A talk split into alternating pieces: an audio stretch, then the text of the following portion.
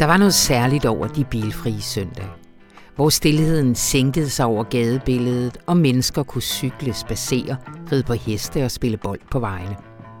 Man havde den her sjældne oplevelse af kollektiv fred i sindet, samtidig med, at man var så bevidst at være en del af en vigtig national krisemission, affødt af en udfrakommende trussel. Missionen samlede danskerne. Vi skruede en anelse ned i fællesskabets navn, og det føltes godt. At anstrenge sig en smule, at yde små ofre. Lidt kortere brusebade, lidt lavere stuetemperatur, lidt mindre blus på lampen. Det tilførte en slags ny mening i hverdagen. Det var to og en halv måned, så drønede vi derud af igen. Sådan indleder Jørgen Sten Nielsen en leder i tirsdagens avis, og vi er ved Gud bare drønet ufortrødent videre siden vinteren 73-74 uanfægtet de ret tydelige konsekvenser, som det gigantiske energiforbrug havde. Men måske bliver vinteren 22-23 der, hvor vi bremser lidt op igen. I hvert fald er der ikke brug for at sænke afgifterne, men at sænke forbruget. Lyt med lige om lidt og hør, hvordan det kan gøres. Sveriges første kvindelige statsminister, Socialdemokraten Magdalena Andersson, har bragt spænding tilbage i svensk politik. Et ellers forventet borgerligt magtskifte tegner pludselig til ikke at være den eneste mulige udgang af søndagens rigsdagsvalg. Lars Trier Mogensen han kommer i studiet og lægger op til lidt svensk drama. Og lidt mere socialdemokratisk ish medvind. For Joe Biden han har nemlig til dels med hjælp fra massive statslige investeringer lykkedes med at vende lykken for demokraterne i USA. Det hjælper selvfølgelig også, at republikanernes tidlige præsident han bruger mere energi på at forsvare sin ret til at have statshemmeligheder i sengeskuffen, end at minde amerikanerne om, at Joe Biden er skindød og måske endda delvis ansvarlig for inflationen. Rune Lykkeberg han har sig en optur. Rigtig hjertelig velkommen til.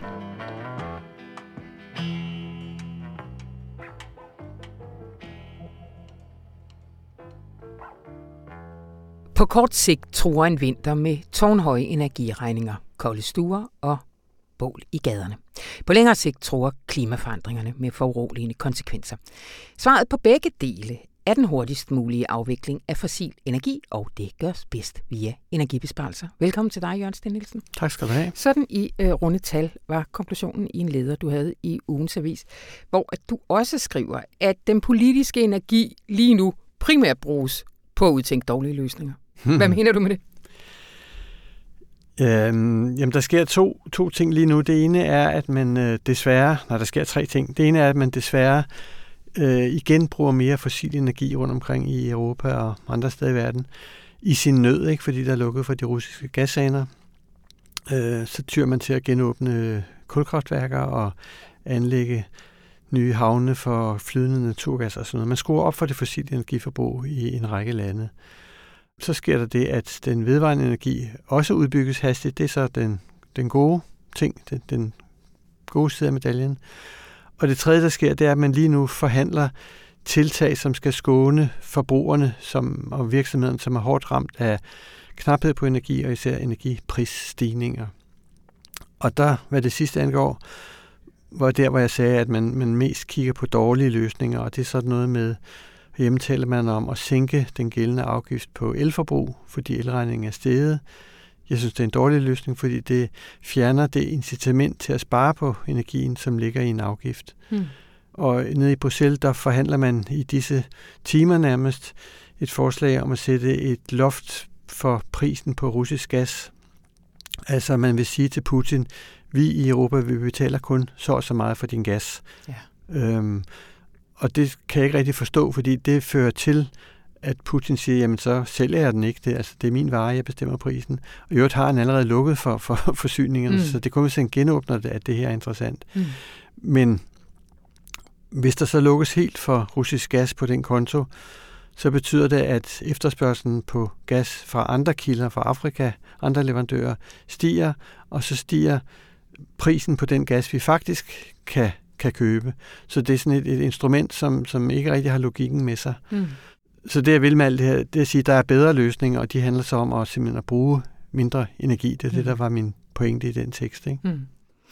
men er i den akutte situation. Øh, er det ikke ligesom på alle pumper, at øh, vi skal gennem den her vinter, eller altså, øh, aner du også et momentum for faktisk at få lavet nogle løsninger, der også virker på længere sigt? Jeg skal forstå, hvad jeg mener. Altså, skal, skal man ikke, er der ikke både en, hvad skal man sige, en akut krisehåndtering, og så er der en længere omstilling? Jo, det er der. Øh, og det er klart, der er der er husstande, og der er virksomheder, som kommer økonomisk i klemme på de her høje priser. Og jeg mener, at den bedste vej til at, at bistå dem, det er at lave noget, der ligner den øh, varmesjek, vi har kendt længe. Altså man kompenserer dem, der er hårdest ramt, lavindkomstfamilier typisk, mm. frem for at, øh, at give alle en, en, en gevinst, for eksempel ved, ved lavere elafgifter. Ikke? Mm. Øh, det, det betyder jo, hvis man mindsker afgiften på el, eller giver alle øh, sådan en eller anden øh, øh, kompensation, så er det jo dem med det største energiforbrug, som får flest kroner øh, ud af det. Det vil sige, at man tilgodeser i virkeligheden de, de rige eller de, de store forbrugere mm. mest, ikke? Mm. Hvor, hvor det må handle om at tilgodese dem, der er mest klemt i forvejen. Mm. Mm. Altså, det virker også som om, at... Øh, altså nu, nu øh, du sagde lige, at, at det er mens vi taler. Altså, vi optager det her øh, torsdag over frokost, og øh, fredag mødes øh, de europæiske energiministre i Bruxelles for at lave en større plan, så det kan være, der sidder nogle lytter og ved meget mere end os lige nu. Men vi har jo blandt andet fået sådan nogle begreber som sådan en solidaritetsafgift og sådan noget. Altså, det, det virker som om, der er en politisk vilje i Bruxelles nu til blandt andet, du kalder det en windfall tax, altså at sige, noget af det her øh, udligning skulle ske ved, at nogle af dem, der simpelthen har en, en overprofit lige nu, ja. skal betale. Det synes jeg er en rigtig fin del af det, af det forslag, som kommissionen lægger på bordet, og som der muligvis kan skaffes flertal for, eller det kan også være, at nogle lande vælger at gøre det, andre lande ikke gør det, men, men ja. altså at beskatte elselskaber og olieselskaber, som lige nu, fordi priserne er høje, også har det, man kalder ekstra normale eller overnormale profitter. Ikke? Ja. Øhm, man har indført det i England. Macron taler for det, andre taler også for det.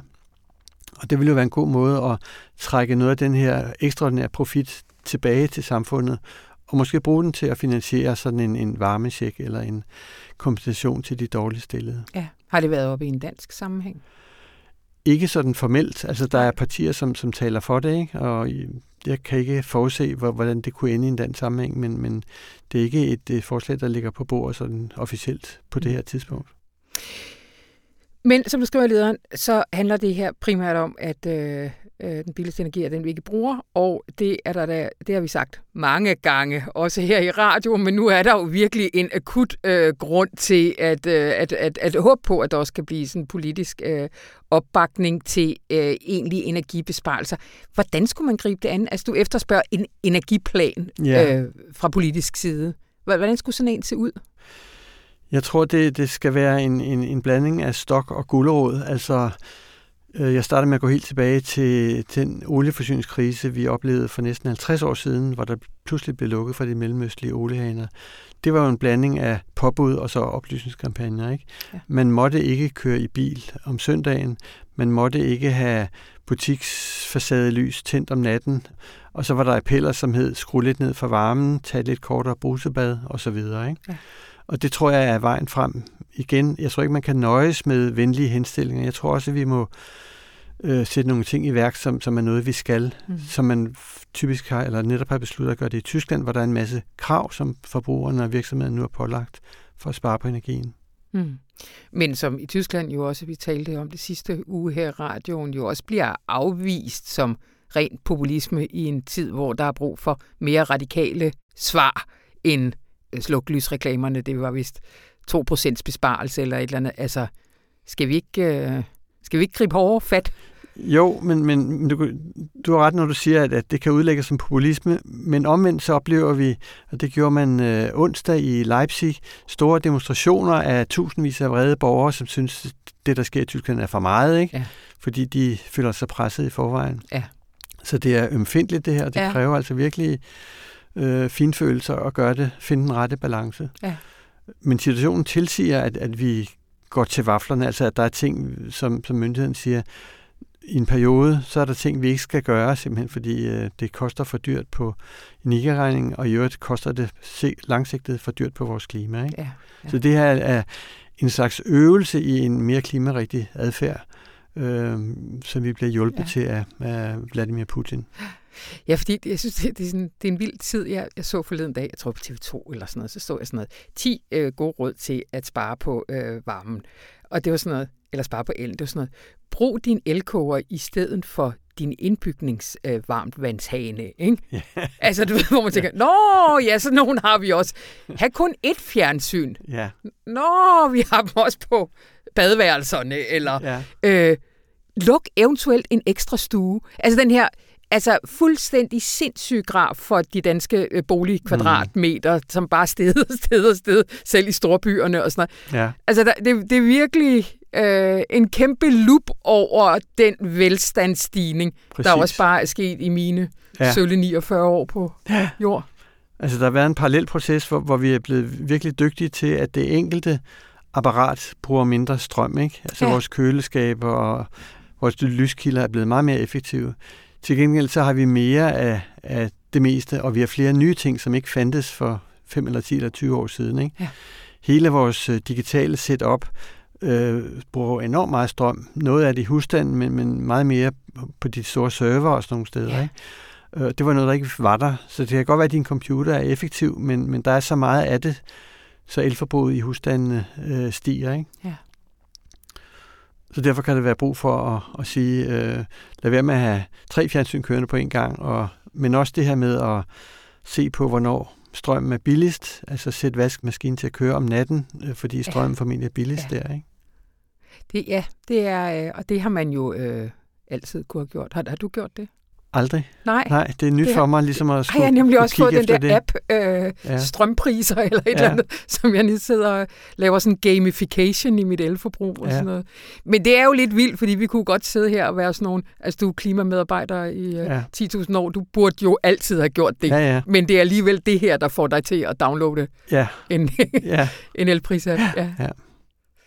Øh, Jørgen, du, du beskriver sådan meget... Øh, kært, det der med de bilfri søndag. Mm. Jeg blev overrasket, det var kun to og en halv måned. Det alligevel etableret sig som sådan et ja. dengang med de bilfri søndag. Ja. Men, men jeg synes også, det er interessant, du siger, for de kunne mere, end at vi lod bilen stå. De gav os også sådan en, en følelse af, at det var noget, vi gør i fællesskab. Ja, og det, det ligner lidt den oplevelse, som, som jeg tror, mange af os har haft under coronapandemien, ja. under nedlukningen. Det var jo lidt, det var også en nedlukning, ikke? Og det var jo også med en ubehagelig baggrund. Men, men der var den her oplevelse af, at nu, nu er der noget, den her nation skal klare sammen. Ikke? Ja. Og vi kan se hinanden i øjnene på gaden og sige, yes, vi er del af den her fælles indsats. Mm. Jeg kan jo huske den der oplevelse, når man gik på gaden om søndagen. Det, det var i sig selv underligt sådan skønt, men også at man så på hinanden på en anden måde. Ikke? Ja. Yes, vi er på et, en fælles opgave til, til alles fordel. Ikke? Og så nogle oplevelser, hvad de end udløses af, er gunstige for et folk eller en nation, og også sådan uh, motivationen for ligesom at tænke, ja, det er ikke bare mig, det, det er mit fællesskab, som skal gøre noget for at afværge nogle problemer. Ikke? Hmm. Har du fået sure uh, henvendelser på sådan en, uh, en leder som den der? Øh, nej, der, ja, nej det har du jeg, jeg har fået en del i den modsatte retning. Ja, jeg har godt. ikke fået nogen sure. Nå, men jeg kan mærke, at jeg har sådan en lille en, hvor jeg sådan bliver bange for, at du ved, øh, skal man tage de der hensyn, der hedder, man ved godt, det bliver svært for øh, familierne, man ved godt, det bliver svært for virksomhederne. Altså, ja. kan man tillade sig at se på en eller anden måde noget håb i de kriser, vi er i? Ja. Øh. ja. Men, men øh, nu har informationen jo det publikum, det har. Det, det er muligt, at, at dem, der er hårdest ramt af ja.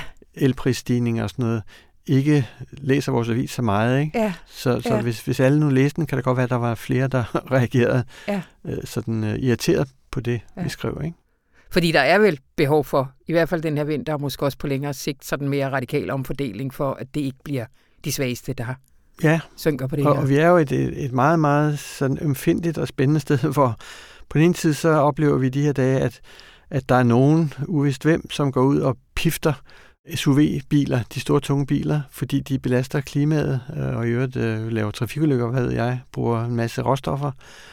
Altså går ret langt i radikal handling. Mm. Samtidig, som jeg nævnte, øh, i Leipzig er der folk rundt omkring i Europa, der går rasende på gaden over de indgreb, som myndighederne tillader sig for ligesom at, at kontrollere det her. Ikke? Ja. Øhm, og i Holland har vi rasende landmænd, som protesterer over miljøtiltag over for mm. hollandsk landbrug. Ikke? Stigende kritik af sanktionspolitikken mod Rusland og solidariteten Præcis. med Ukraine. Det er, der ja. er mange... Ja. Så der, der, er brug, ja. der er virkelig brug for en, en, øh, en samtale, hvor, hvor vi prøver ligesom at, at tale på måder, så vi ikke forstærker fjendebilleder, men man kan tale hen over de kløfter, der er. Ikke? Ja. Og man gør det ved at pifte biler, eller ved at lave rasende depositioner, det er jeg mm. noget usikker på. Ja, det bliver det sidste ord. Tusind tak, Jørgen Sten Nielsen. Selv tak.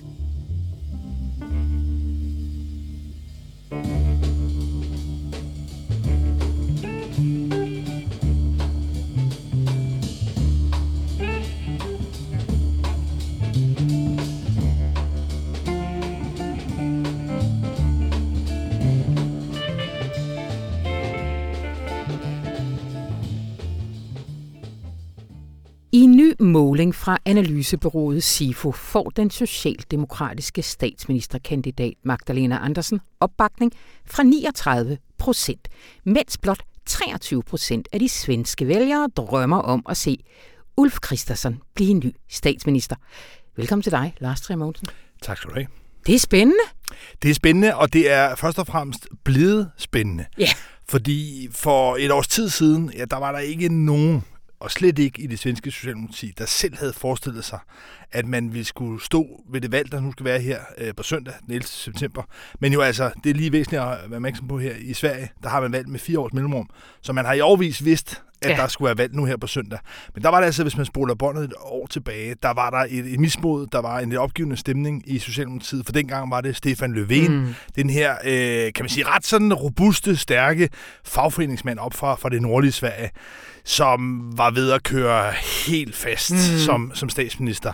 Og han havde altså ligesom opbrugt sit held, og, og på det tidspunkt var der ikke mange, der så andre muligheder, end at man næste gang ville få en øh, borgerlig regering. Men så er der altså sket øh, en, en, en stor øh, vending, en stor, også, et stort stemningsskift, ikke mindst i Socialdemokratiet, ja. hvor der faktisk nu er en vis sejrstro på, ja. at øh, Magdalena Andersson rent faktisk med lidt held, og ikke mindst med den langt stærkere appel, hun har til de svenske vælgere, vil kunne øh, altså ikke i sådan en paradekørsel, øh, fordi det, det, det er der ikke tale om. Men ikke desto mindre altså, har en reel mulighed, det man kunne kalde a fighting chance, øh, ja. for rent faktisk at, ja. øh, at kunne fortsætte som statsminister. Og bare lige, hvis der er nogen, der havde glemt det, fordi at, øh, altså, hun har jo haft under et år, det, det er oktober, hun, hun var justitsminister i... Nej, finansminister. Finansminister, finansminister. i Løfvens regering, ja. og så overtog hun i oktober sidste år. Hun har haft under et år ja, til at... Ret præcist, altså øh, 285 dage, altså fra ja. hun tiltrådte som statsminister, til at der nu er valg her på søndag. 285 ja. dage, det er jo altså øh, så lidt mere end et, et halvt år, men det er jo absolut ikke noget, der har gjort heller, at hun har formået at opbygge en sådan mere altså personlig relation til de svenske vælgere. Et af hendes store problemer indledningsvis, det var, at folk simpelthen ikke anede, hvem hun var. Mm. Altså, fordi hun har ganske vist været finansminister siden 2014, men hun har været altså, af den sådan lidt mere teknokratiske type, kan ja. man sige. Altså en, en, en kvindelig Bjarne Korydon, om man vil. Men altså på samme måde meget reformvenlig højrefløj socialdemokrat, om man vil, men som har været trukket lidt tilbage, har været måske lidt mere reserveret og har haft den opfattelse, som i virkeligheden sådan en old school socialdemokrat, mm. at det handlede om i virkeligheden at lavet øh, politik, øh, og ikke så meget om at være i medierne. Og derfor øh, stod hun lidt med den vanskelighed, at hun ikke var en øh, figur, ikke en person, som de svenske vælgere i udgangspunktet ligesom følte, de havde et forhold til. Så hun var ja. altså en ukendt øh, person, og det kan jo nogle gange give nogle fordele, øh, men det er også en svær situation at, at, dumpe ind i en situation, hvor som sagt Socialdemokratiet stod i Sverige øh, lidt udbrændt, øh, mm, presset. Mm. Øh, det var altså en US-post, hun, hun overtog. Hvad er det så, hun har, hun har gjort rigtigt? Ja, men altså, først og fremmest er der jo nogle, øh, nogle begivenheder, som hun har formået at, øh, at udnytte, hvis man nu skal tillade sig at tale sådan lidt kynisk. Mm. Altså, det har jo været en overraskelse for de fleste, at øh, Sverige nu står over for at blive øh, medlem af, af NATO. Og, og Putins invasion af Ukraine 24. februar har jo skabt en fuldstændig fundamental vending i både svensk og jo også i finsk øh, mm. udenrigspolitik, og selvforståelse også. Og der har Magdalena Andersen altså formået, ganske vist lidt i ly af den øh, finske statsminister, Fordi man har haft, man har haft lidt et parløb mellem mm. Sverige og Finland, og en fælles forståelse af, at man skulle gøre det sammen. Men der har Magdalena Andersen altså formået her at i virkeligheden lave det, man måske godt kunne sammenligne lidt med nogle af de højre sving, Mette Frederiksen for eksempel har gjort bare på udlændingepolitikken, på ja. retspolitikken, men her gjorde hun det altså i sikkerhedspolitikken. Det ja. at bringe Sverige ind i, i NATO, øh, og jo også betone behovet for en, øh, en hård og også faktisk risikabel oprustning. Altså, øh, svenskerne ligger jo øh, altså med en meget lang kyststrækning i Østersøen, og vi kan nok også huske mange øh, med alle de her ubådsepisoder mm-hmm. tilbage fra, fra den kolde krigs tid, så, som man siger, så svenskernes relation til, til Rusland og øh, Sovjetunionen tidligere er absolut øh, højspændt. Men det, at Magdalena Andersson altså ret resolut og stærkt ligesom drev for sit eget parti, men også altså hele Sverige ind i NATO. Det har gjort, at hun har vundet en appel også til nogle af de midtervælgere, som øh, jo ofte kan afgøre valg. Ja. Og der har hun altså, kan man sige, formået at træde karakter som en, der i første omgang havde styr på økonomien. Altså alle, også borgerlige øh, politikere, har i mange år været nødt til at anerkende, at, at hun havde altså ret godt styr øh, på tallene. Ja. Øh, men her formåede hun altså også med sikkerhedspolitikken, med storpolitikken, at træde i karakter som en, der ligesom havde nogle, øh, nogle lederegenskaber, som jeg tror på en eller anden måde har givet hende en appel øh, mm. til til, til den store gruppe af vælgere, som altså ligger og vipper lidt inde øh, mm. på midten, som man traditionelt kalder midtervælgere. Så det, det, det er i hvert fald en mm. del.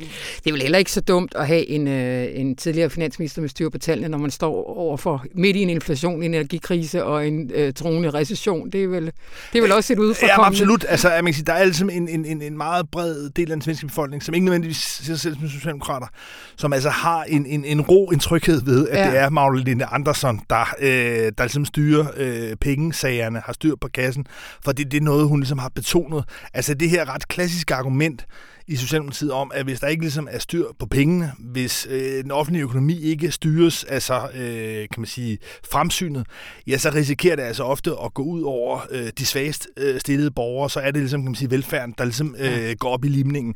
Og det har hun ligesom haft et, et meget øh, skarpt og, og robust fokus på. Men det gør selvfølgelig også den situation, vi står i nu, at der ligesom er ja, den, den tryghed, hvor det trods alt fremstår lidt mere øh, eksperimenterende, lidt mere risikabelt, eller ligefrem hasarderet, at overlade øh, styring af, af svensk økonomi til en, en ukendt øh, mm. konstellation, hvor Sverigedemokraterne kommer til at indgå. Så jeg tror, det er noget, der, der, der også er spillet ind. Men, men, men så har der nok også bare været det element, som man heller ikke skal underkende, at øh, Magdalena Andersen er overraskende nok, synes jeg egentlig, øh, jo øh, den første kvindelige statsminister ja. i, øh, i Sverige, hvor, hvor øh, altså Norge har haft det helt tilbage fra, fra øh, Gro Harlem øh, Brundtland, og man både jo i, i Danmark og i Finland, men også øh, Island har, har haft det tidligere, så var Sverige ligesom, kan man sige, det sidste land, mm. der ikke havde haft en øh, kvindelig statsminister. Og det er ikke noget, hun egentlig spiller så forfærdeligt meget på, men jeg tror nu alligevel med øh, den øh, fylde og den kraft, som ligestillingsdebatten jo ja. altså har haft i Sverige, og hvor man er på alle tænkelige måder, altså mange år, hvis ikke årtier foran øh, Danmark, der tror jeg også, at der alligevel er en stor gruppe af vælgere, som på en eller anden måde næsten har været lidt flove over, at Sverige ligesom var det sidste land, der fik en kvindelig statsminister. Ja. Og også nu, hvor der er kommet en, som helt indiskutabel er, er kompetent på ja. de store dagsordner, at det måske kunne være en del at holde fast i hende. Så, så jeg tror, og lige, lige at høvle hende ud, efter hun ligesom lige har ordnet ja, ja, altså- penalhuset altså, i... Uh... Men, men, men derfor kan man sige, ja. så, så altså, jeg, jeg, jeg synes absolut, først det kommer ind som en tredje. Altså, jeg tror egentlig, man kan sige, ja. altså, den økonomiske kompetence er måske det stærkeste. Så er det det her med at træde karakter med det sikkerhedspolitiske.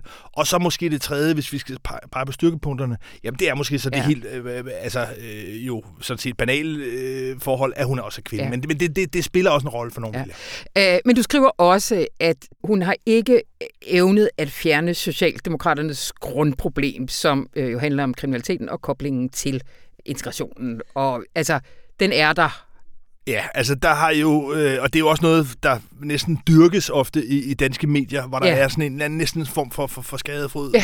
ved at, ligesom, at, at, at skildre øh, nogle af de også øh, virkelig redsomme, skræmmende, brutale episoder, der er, øh, både lige over på den anden side, øh, herfra vi sidder mm-hmm. over på den anden side øh, i, i Malmø, men jo også i en lang række andre øh, større og mellemstore svenske byer med, med forstadskvarterer, hvor man altså har haft øh, bandekriminalitet i et omfang, som Ja, altså nogle gange kan man sige, altså øh, vækker mindelser til, til sådan amerikanske øh, tilstand, sådan noget Los Angeles-agtigt noget, men hvor man altså har, kan man sige, også etniske grupperinger, men i en meget, meget, meget, meget, meget hård øh, organiseret kriminalitet, som øh, i hvert fald mange svenske vælgere oplever, har fået lov til ligesom, at løbe løbsk. Mm. Øh, og der har været så mange øh, skuddrab øh, og en, en, en oplevelse af i hvert fald, at Socialdemokratiet ligesom ikke har vil øh, se de problemer og den utryghed, ja, ængstelse, der er i stor del af befolkningen, at se den i øjnene og ligesom agere på den. Og der er det klart, at der altså det er for det første, kan man sige, et, et, et, altså et stort problem, som simpelthen optager øh, mange svenske vælgere, hvor Socialdemokraterne, kan man sige, kun øh, har lavet sig trække lidt baglæns øh, med ind i den debat. Ja. Og så er der jo bare også altid det grundvilkår, at når man som Socialdemokraterne har regeret i otte år i træk, ja, så ejer man ligesom øh, ja. alle problemer. Altså, ja. der er ligesom ikke rigtig nogen ting, der kan opstå i det svenske samfund, og slet ikke nogen af de her sådan dybe problemer, som er vokset frem om under lang tid, øh, som man ikke kan sige, at en siddende regering burde have gjort noget ved. Mm. Øh, men det er klart, at det skærpes af, at det så ligesom er en konflikt, hvor Socialdemokratiet øh, i Sverige nok også har ligget på det, man, hvis man skal sammenligne med Danmark, kan man sige, måske mere var sådan en lidt øh, nyopagtig linje, mm. hvor man ganske vist ligesom øh, gradvist har øh, skærpet straffe, øh, skærpet udlændingelovgivning, men man har gjort det lidt modvilligt. Man har gjort det lidt ud fra en oplevelse af, at det ligesom måske var nødvendigt, fordi vælgerne havde det, men man synes egentlig, at man havde det lidt altså, ubekvemt øh, mm. ved overhovedet ligesom at skulle gå ned ad det spor. Så på den måde står Socialdemokratiet i en situation, hvor de ligesom har en meget defensiv og, og, og nølende tilgang til det. Men altså også en situation, hvor det er meget let at fremmane det her billede af, at det er dem, der har øh, sovet på vagten, at det er dem, der ligesom ikke har gjort ja. noget ved det. Og det gør det selvfølgelig ret enkelt øh, og for nogle af de borgerlige politikere at udnytte nogle af de mange episoder, der er, altså skrækkelige øh, skæbnehistorier, der er, og udnytte dem til ligesom at udstille, at, øh, at Magdalena Andersson har været en del af et, øh, et, et socialdemokratisk parnas, som mm. på en eller anden mm. måde ligesom ikke har vil erkende de her problemer. Og, og, og, og, og der kan man sige, der har hun så meget spektakulært og abrupt i virkeligheden, forsøgt ligesom at kalibrere ind efter den nye øh, virkelighed, og har egentlig lagt sig på en, en linje, der retorisk øh, minder lidt om, hvad man kender fra øh, Socialdemokratiet i, i, i Danmark. Magdalena Andersson var ude lidt opsigtsvækkende og, og sige, at man i Sverige ikke skulle have, så nævnte hun først uh, Chinatown, Little Italy, det er noget, vi kender fra New York, det er ikke noget, vi opfatter som noget sådan egentlig måske super ubehageligt, men så tilføjer hun, at der heller ikke skulle være Somali Town. Ja i Sverige. Og det har øh, skabt øh, stor splid, både internt i Socialdemokratiet og også i forhold til venstrefløjen. Men det her med ligesom, bliver det i hvert fald på venstrefløjen beskrevet som at hænge øh, somalier ud og, og skabe, kan man sige, de her dem også øh, etniske øh, kløfter. Men altså det, der ligesom er hendes budskab her, det er, at øh, man ikke skal tillade parallelsamfund, segregeret øh, samfund, der ligesom er hårdt opsplittet etnisk øh, og socialt. Men, men den retorik om Somalitown, som hun altså øh, har holdt fast ved, dog forsøgt at moderere en lille smule, når hun er kommet under pres. Men det er noget, der næsten også kommer til for nogen måske at virke for overstyret, fordi det kommer til at virke meget taktisk, meget opportunistisk, ja. at hun nu ligesom har fået stukket nogle nye ord i hånden på et papir, og hun nu skal sige, at der ikke må være Somali Towns i, i, i, i Sverige. Og hvor der i hvert fald, kan man sige, så er en gruppe vælgere, der tænker, jamen, jeg har ikke gjort noget i otte år, så nu lige pludselig her, mm. øh, altså øh, 10 dage før valget, så begynder du ligesom, kan man sige, at, at tale en hård retorik. Den hopper vi ikke på. Mm. Øh, vi tror ikke på, at det her det er noget, I rigtig vil. Det er bare noget, I siger. Mm. Og det er klart, at, at, at, at på den måde er der jo den udfordring, at det kan være svært at lancere noget så sent i en valgkamp. Ja. Så, så jeg vil ikke sige, at jeg synes ikke, at, at, at det er lykkedes så, øh, så stærkt, men, men, men man kan sige, men hun forsøger i hvert fald retorisk at, kan man sige, at lukke den flanke af. Ja. Øh, vi taler sikkert meget mere om øh, Sveriges Demokraterne på den anden side af det her valg. De står til at blive det andet største parti, største borgerlige parti. Gider vi ikke lige i dag. Lars, lige her. Øh, til sidst, Kort, du siger, der er to scenarier, hvor at vi kan se øh, fire år med Magdalene Andersen. Kan du ikke lige skitsere den? Jo, men altså, det, det første øh, scenarie er jo, at, øh, at den borgerlige blok som består af, af fire partier i, i Sverige, at de faktisk ikke kan blive enige. Det var ja. det, der skete i 2014, det, der skete i 2018, og det, der gjorde, at Stefan Löfven, som sådan en dygtig øh, krammer, øh, hostler, øh, formåede på en eller anden måde at mingelere det frem til, at han blev statsminister. Den situation kan meget, meget, meget vel opstå igen, blandt andet fordi, at Liberalerne, øh, som er et kan man sige, midterparti, øh, og som navnet antyder er et liberalt øh, midterparti, øh, de måske slet ikke klarer spærregrænsen, og under anden kan, kan komme til at lave et, et stort postyr hvis Sverigedemokraterne kræver for meget osv. Så der er altså den situation, at hun på en eller anden måde ligesom kan øh, altså fortsætte ved, at de blå partiledere ligesom slår hovederne mod hinanden, ja. og, og ikke, endnu en gang ikke kan finde ud af det. Og så er det klart, så er der jo også altså, et, et, det scenarie, at, at hun så selv hiver den hjem. Yeah. Øh, fordi noget af det, der jo er en fuldstændig modsat bevægelse for Magdalene Andersen i forhold til Mette Frederiksen, det er, at Mette Frederiksen ligesom, altså kom fra et historisk toppunkt mm. øh, i meningsmålingerne, målinger helt op på 35 procent, og så kan man sige, at sidde ned og ret ulykkelig for Mette Frederiksen nu her, lige før vi skal have et formentlig have et valg i Danmark, ja, der rammer hun det absolut laveste punkt, hun har haft i overvis. Ja. Hvor Magdalene Andersen har formået altså noget mere øh, håbefuldt, i hvert fald for Socialdemokraterne i Sverige, at lave den modsatte bevægelse. Altså ligesom at løfte Socialdemokraterne og stå nu i en situation, hvor de sådan set står bedre og stærkere, end de har gjort øh, i lang tid, og kan se ud til et, et, et valg, hvor de faktisk altså, øh, kan gå klart frem. Ja. Så, så på den måde er der jo også det psykologiske stemningsskifte, og, og der skal man være opmærksom på, at med, med mange tætte valg, der er en stor gruppe af vælgere, som ikke er så politisk interesserede, som har lidt en tendens med at holde øh, med vinderen. Altså dem, de tror vil vinde. ja. Altså vil på en eller anden måde gerne være med på, på vinderholdet. Og der er det altså i den dynamik, der har været her i slutningen af valgkampen, selvom det er tæt, selvom det er meget polemisk og beskidt osv., så, så er der altså bare en understrøm af, at Magdalena Andersson ligesom øh, repræsenterer noget stolt, stærkt, altså du gamle, du frie, ja. øh, som en del svenskere faktisk altså på en eller anden måde egentlig gerne øh, vil være en del af. Men det er klart, at igen, fra et år siden så det komplet umuligt ja. ud. Og det er klart, at, at med den mandatfordeling, der formentlig kommer, så vil det blive meget, meget svært for Magdalene Andersen. Men der er i hvert fald ikke nogen, der kan påstå, at hun ikke har gjort det øh, næsten så godt, som man altså, overhovedet ville kunne gøre som, øh, som socialdemokratisk statsminister her i de her blot 285 dage, hun har haft til at bygge sig selv op til at kunne på egen hånd øh, få et, øh, et mandat til at regere Sverige videre. Det var, hvad vi nåede. Vi taler om det på den anden side. Tak, Lars Trimonsen.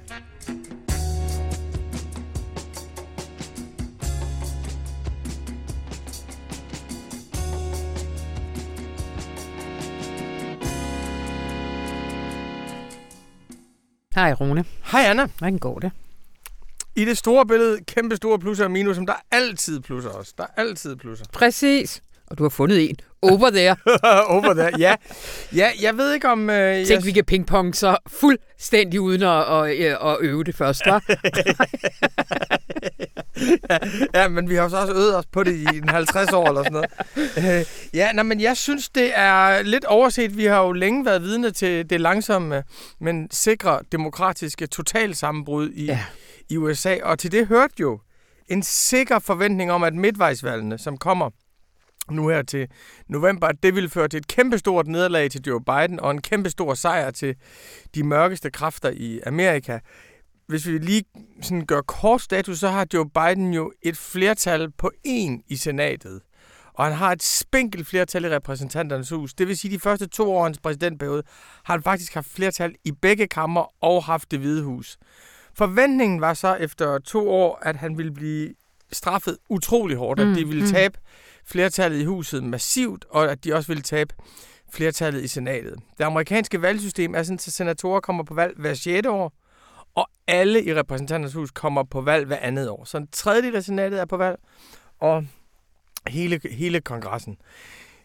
Det, der så tegner sig de sen, den seneste måned, seks uger, det er et meget stort skifte i den anden retning. Så det, der hedder en generisk måling, altså som ikke er på staterne generelt, men som er på hele USA, mm-hmm. viser nu et flertal for demokraterne. Mm-hmm. Øh, der er flere stater, som man har været sikker på, at demokraterne vil tabe i forhold til senatet, som nu er noget mere på vippen. Georgia, Pennsylvania er, er, er, er nogle af dem.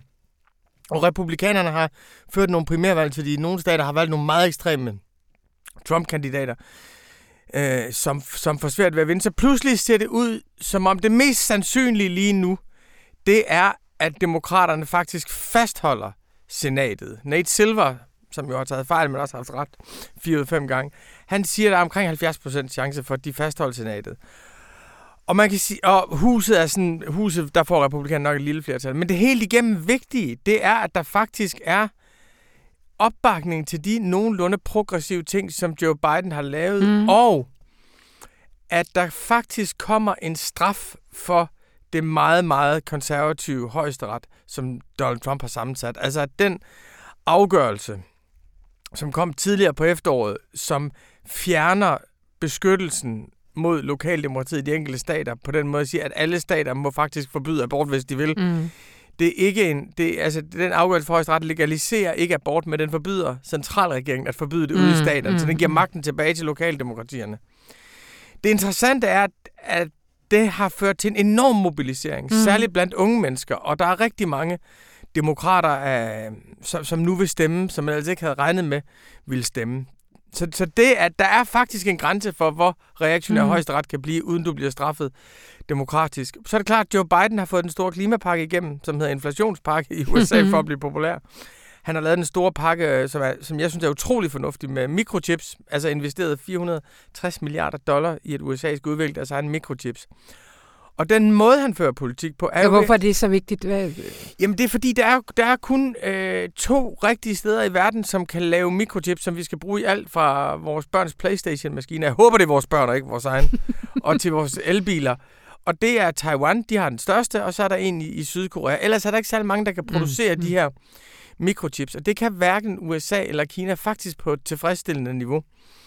Og det betyder jo, at du er afhængig af andre end, end, end dig selv. Og det Joe Biden-regeringen har været god til, det er at lave helt enormt store investeringer i det, man vil. Så man bruger den offentlige sektor til at fremme en udvikling. Så på den her måde gør du dig uafhængig mm. af andre stater.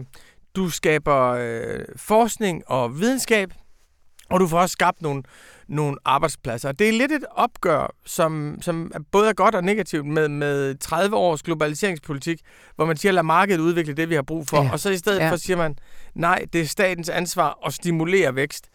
Det gode er selvfølgelig, at man bruger staten til at realisere nogle politiske mål. At man i fællesskab kan opnå det, man gerne vil.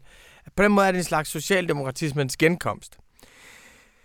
Det, man ikke skal være blind for, det er den måde at føre politik på. Der er også utroligt mange penge, der ender i toppen af det amerikanske erhvervsliv. For eksempel mm-hmm. ser det jo rigtig godt ud med meget store investeringer i klima, men du har nu fået det, der hedder The Green Industrial Complex. Ja.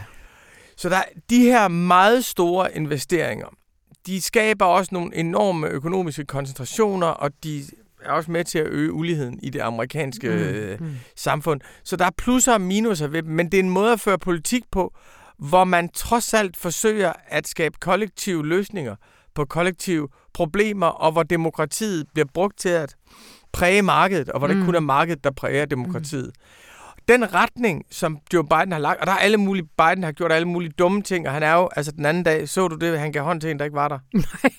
Jamen det er jo frygteligt. Han, han, han dør jo så langsomt, så det indimellem ser ud, som om han lever. Jamen, det er, altså, han er jo så svækket. Så efter en tale, der stak han hånden frem, og der var ikke nogen til det, som han troede, han skulle give hånd til nogen. Men jeg synes stadigvæk, i hans politiske retning, mm. der er der den mest progressive kerne, der har været i 40 år. Og det er jo vel også en virkelig smart politisk retning, hvis vi fortsætter i metaforerne, når vi nu øh, flyver mod en recession. Altså, det, det er vel... Øh, det er vel ja. det, der lurer ude øh, det, foran. Det er det, men USA har jo sådan en besynderlig økonomi, for der bliver ved med at være jobvækst, samtidig med, at du har en meget, meget stigende øh, inflation. Ja. Men du har ret, at de står bedre nu, samtidig med, at modstanderne vil jo sige, at det var de store offentlige investeringer, der skabte inflationen. Ja. Modstanderne vil sige, at det var de der kolossale hjælpepakker, der skabte inflationen, og de vil sige, at hjælpepakkerne betød, at der, at der var mange amerikanere, der holdt op med at arbejde. Mm. Det, der hedder The Great Resignation. Ja. Great Resignation. Pludselig fik de mulighed for ikke at gå på arbejde, fordi de fik en check i stedet for. Mm.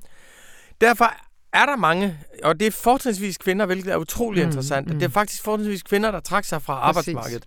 Sikkert fordi de har de mest nedværdigende job i servicesektoren og omsorgssektoren, vil, vil jeg gætte på. Og så er lidt at råde med derhjemme, ikke? Præcis. øhm, men, men, men, og dertil vil folk til sige, jamen når man mister arbejdskraft, så stiger lønningerne, så skal du betale mere for at få arbejdskraft, og det er med til at drive inflationen op. Så hvis republikanerne havde haft en effektiv og rationel opposition, så kunne de faktisk køre meget hårdt Mm. på, på Joe Biden, fordi han har uden tvivl et medansvar for, for, for inflationen. Men hvis vi siger, den første faktor, det er den der højesteretsdom Dobbs, og den anden faktor, det er de store pakker, Biden har fået igennem. Så den tredje og måske vigtigste faktor, det er jo, at republikanerne er blevet radikaliseret som parti. Og Trump er blevet så vanvittig. Så det er faktisk svært at følge ham. Lige nu, hvis republikanerne havde slået løs på benzinpriserne, hvis de havde slået løs på inflationen, hvis de havde slået løs på Bidens alder og kaldt det for socialisme det hele, så havde de haft en politisk opposition. Men det, som Trump handler om lige nu, det er jo at fortælle, at FBI er en konspiration imod ham.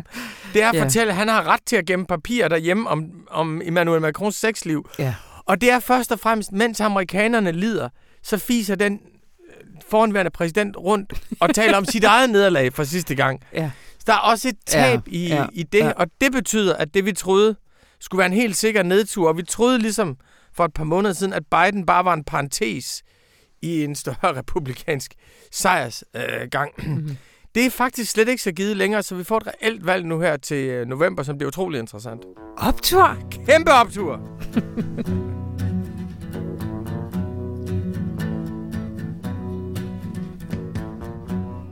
Det var stort set alt, hvad vi havde for denne gang. Men i sidste uge, da vi breakede den fantastiske nyhed om, at Doonesbury er tilbage i informationsspalter, så teasede jeg også lidt for, at det ikke var den eneste nyhed på tegneseriefronten. Og den kommer nemlig her. Prøv lige igen det der, Anne. Yes, fordi her fra i dag, den 9. september, hvis man hører det fredag aften, så har vi simpelthen en ny stribe, tegneseriestribe i Information. Helt dagligt. Byens Lys hedder den, og den er tegnet af Lars Kramhøft. Og velkommen til dig, Kim Skov. Tak. Du er overdigital type. Kom lige med din, øh, med din rigtige stillingsbetegnelse. Digital redaktionschef. Det er det, det hedder. Og du har været lidt hovedkraft for, at vi begynder at få noget tegning ind i øh, spalterne igen, som vi jo har en tradition for. Det har vi i hvert fald. Ja. Øh, Byens Lys, hvad er, hvad, hvad er det for en stribe? Byens Lys er, er en stribe, som Lars Kramhøft skriver. Lars Kramhøft er sådan lidt en stjerne øh, på, på den danske tegneseriescene, mm-hmm. og en virkelig god og på mange måder seriøs forfatter, øh, som også formår at fortælle øh, langt og kort, og virkelig, virkelig øh, er god til det her stribeformat, som, Ja. han, som ellers på mange måder er nyt for ham, men han har også fortalt tegneserier på Instagram og andre steder. Ja. Det, er, jeg synes, det er lidt et scoop, at mm. vi Mhm. får øh, Lars Kramhøft. Hvad handler den om, Byens Lys? Hvad er setup? Byens Lys øh, har flere karakterer, men øh, hovedpersonen er Jakob, som lige er kommet til København fra den mørkeste afkrog af den mørkeste mørke i øh, et eller andet hjør- hjørne af Jylland. Det er Mm. ikke helt uspecificeret. Han vil i virkeligheden gerne være forfatter og, og prøver så at begå sig, men ender med at skulle nat hos den ene og den anden og møder hele det her figurgalleri, fordi han opdager, at det er faktisk ret dyrt at bo i København. Det er svært at finde en bolig. Øh, og Kom ikke lige ind på fatterskolen i første hug, og ja, det det gider han, han ikke. faktisk heller ikke. Når de nu... det, det, det siger han, han ikke gider, men noget, noget tyder på, at det måske var, fordi han ikke kom ind. ja, præcis. Godt. Øh, det her med avisstriben, altså hvad, hvad, hvad er det, den kan? Altså, du er, det er ikke helt tilfældigt, du er lidt en tegneserienørd. Og har, Det, det kan man vist roligt sige. kan man roligt jeg, jeg, sige, jeg, ja. jeg er lidt en tegneserienørd, øh, og, og stor fan af, af Lars Kramhøft og tegneseriestriben. Og tegneseriestriben kan mange der meget. Det er jo noget, der er helt tilbage til, til avisens øh, boomår, altså for over 100 år siden. Ja. Øh, og det er et fast element i avisen. Selvom den er det, så hører det jo faktisk til sjældenhederne, at der sker noget nyt. Ikke mindst Ja. i Danmark. Det er sjældent, der kommer en ny stribe. Øh, den sidste sådan rigtig klassiske avisstribe, du ved, med fire, øh, fire paneler på en stribe, var Egoland, og den er, den er lige forsvundet. Ja. Så det er meget Ja. ja. passende, at der kommer en ny nu, øh, og en, som holder sig inden for rammerne af det klassiske format, men også fungerer digitalt, hvor vi kører den på højkant, om man så at sige. Ah, så ja, på så, din telefon. så den passer til din telefon, ja. Ja, ja, ja.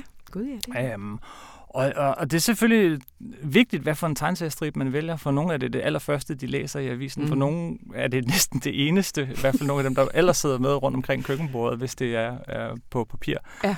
Og, og, og vi synes, vi har fundet en strip her, som rammer en, noget af det, som også er information. Altså nogle, nogle ganske alvorlige emner, men også øh, med lidt humor og lidt frækhed og lidt nerve. Jamen altså, hvor skønt. Tusind tak, Kim Skov. Og det var alt, hvad vi havde fra denne uges øh, aviser. Gå ind på information.dk og find meget mere. Og husk lige, hvis du ikke har skrevet op, at skrive dig op til vores nyhedsbrev. Øh, mit navn er Anna von Sperling, og det her det var klippet og gjort så lækkert af Anne Pilegaard Petersen. Og så må du have en rigtig dejlig weekend.